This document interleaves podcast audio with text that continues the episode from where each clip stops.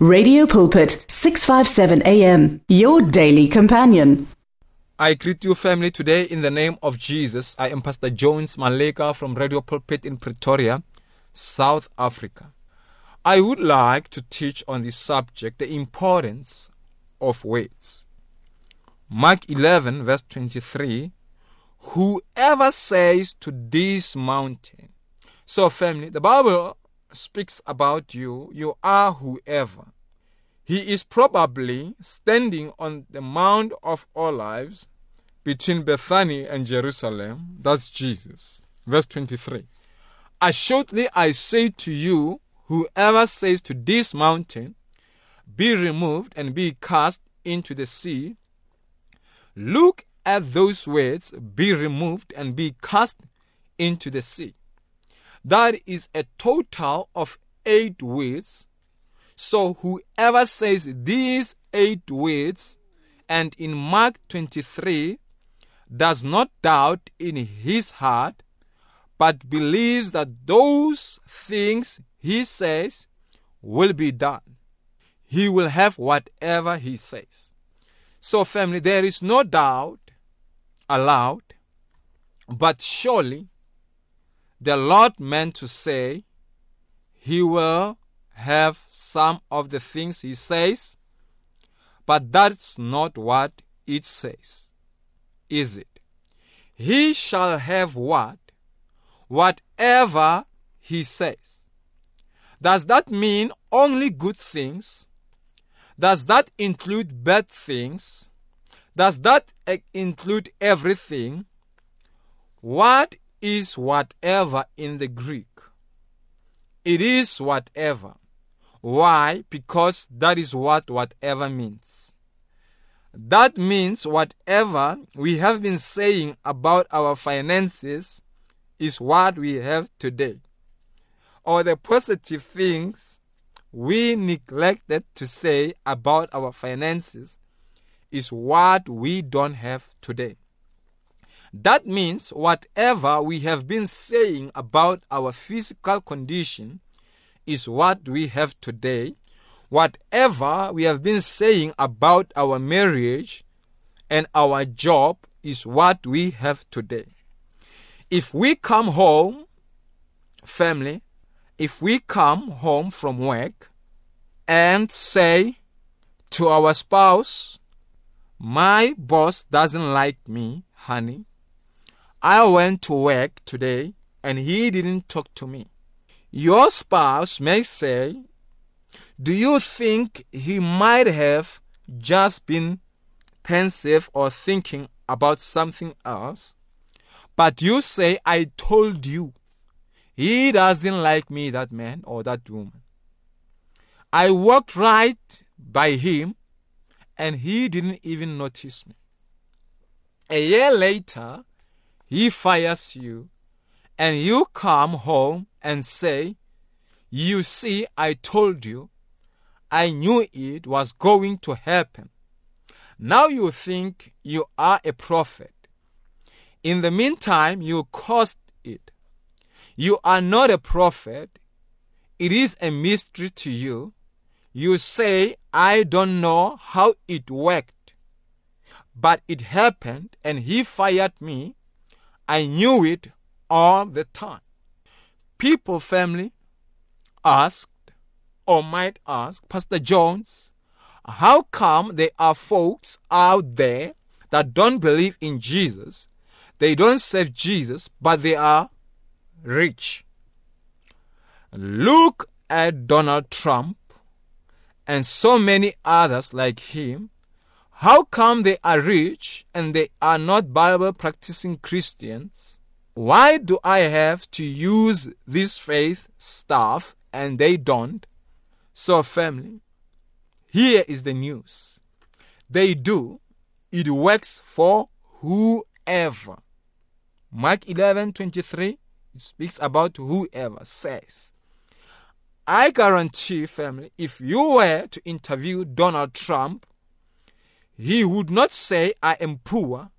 I don't know how I ever made it.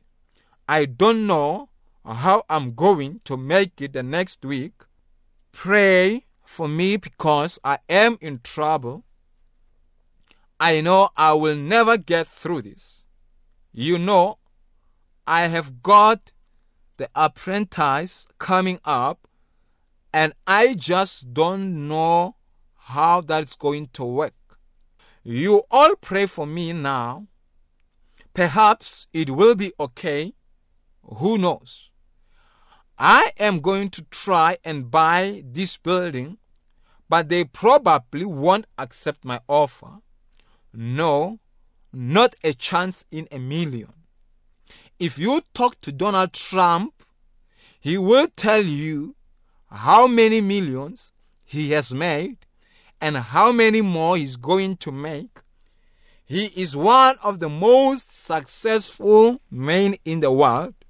He's a multi billionaire and is going to make more billions. A lady recently said or told Apostle Theo Wolmarans that a friend of hers was buying a tie in a clothing store in Donald Trump's building. And Donald walked in as her friend was trying on the tie. Donald said, If you buy that tie, it will make you a billionaire. He continued, I didn't say millions. Anybody can make millions. I said billion. I said billions. And he walked, he walked out after he said, This will make you billionaire. I doubt that tie is going to make the man into a billionaire, but the point is, Donald thinks big in everything he does. There is not an ounce of negativity or spark of negativity in his whole body. No wonder he's successful in finances. But remember, money has its place. Faith is more important than finances. Because faith can get you everything you need, finances can't. So, family, Donald Trump would say, Will are making America great again. That is his attitude. He's always speaking great things. He's always believing God for bigger things. Romans chapter 4, verse 17, New King James Version. God calls those things which do not exist as though they did. What does that mean? Paul is talking about Abraham right here in Romans. Now let us look at the scripture Paul was referring to. Genesis 17, verse 5, New King James Version.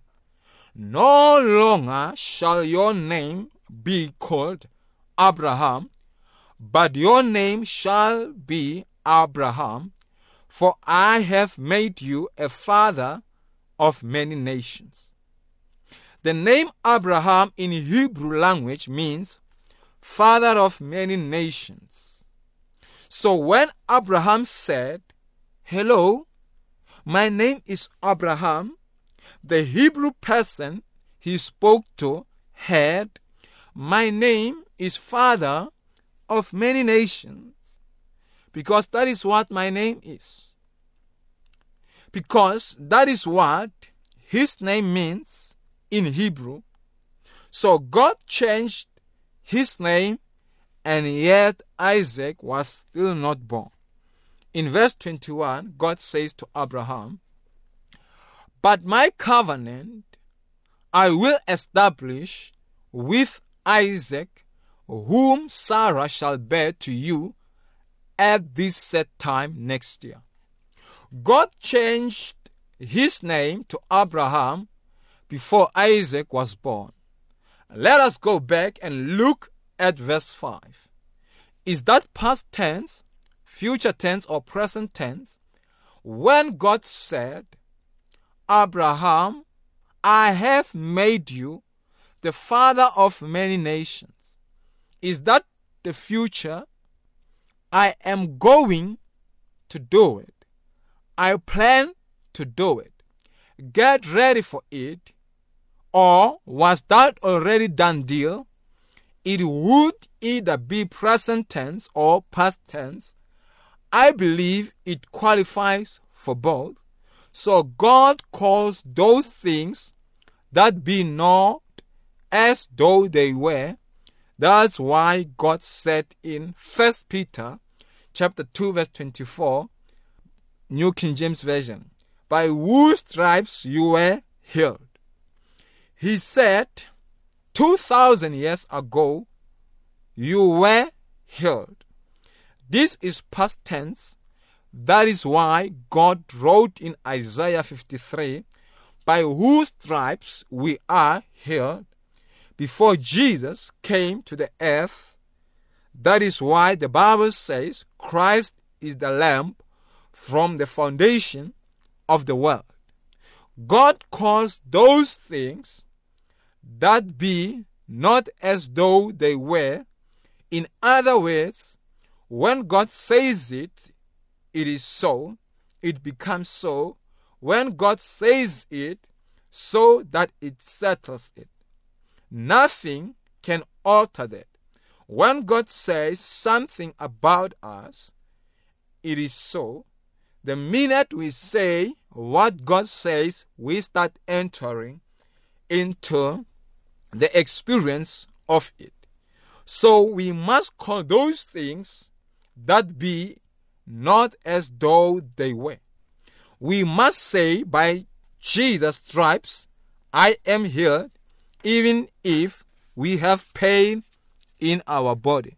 People, family, can say or might say, Pastor Jones, I'm not going to do that. That would be lying. I'm not going to say it so when it is not so because I don't want to lie. Well, family, if God says it and He's not lying, so it is okay for us to do so too. If there is faith involved, now tell a lie is different. We are not talking about that.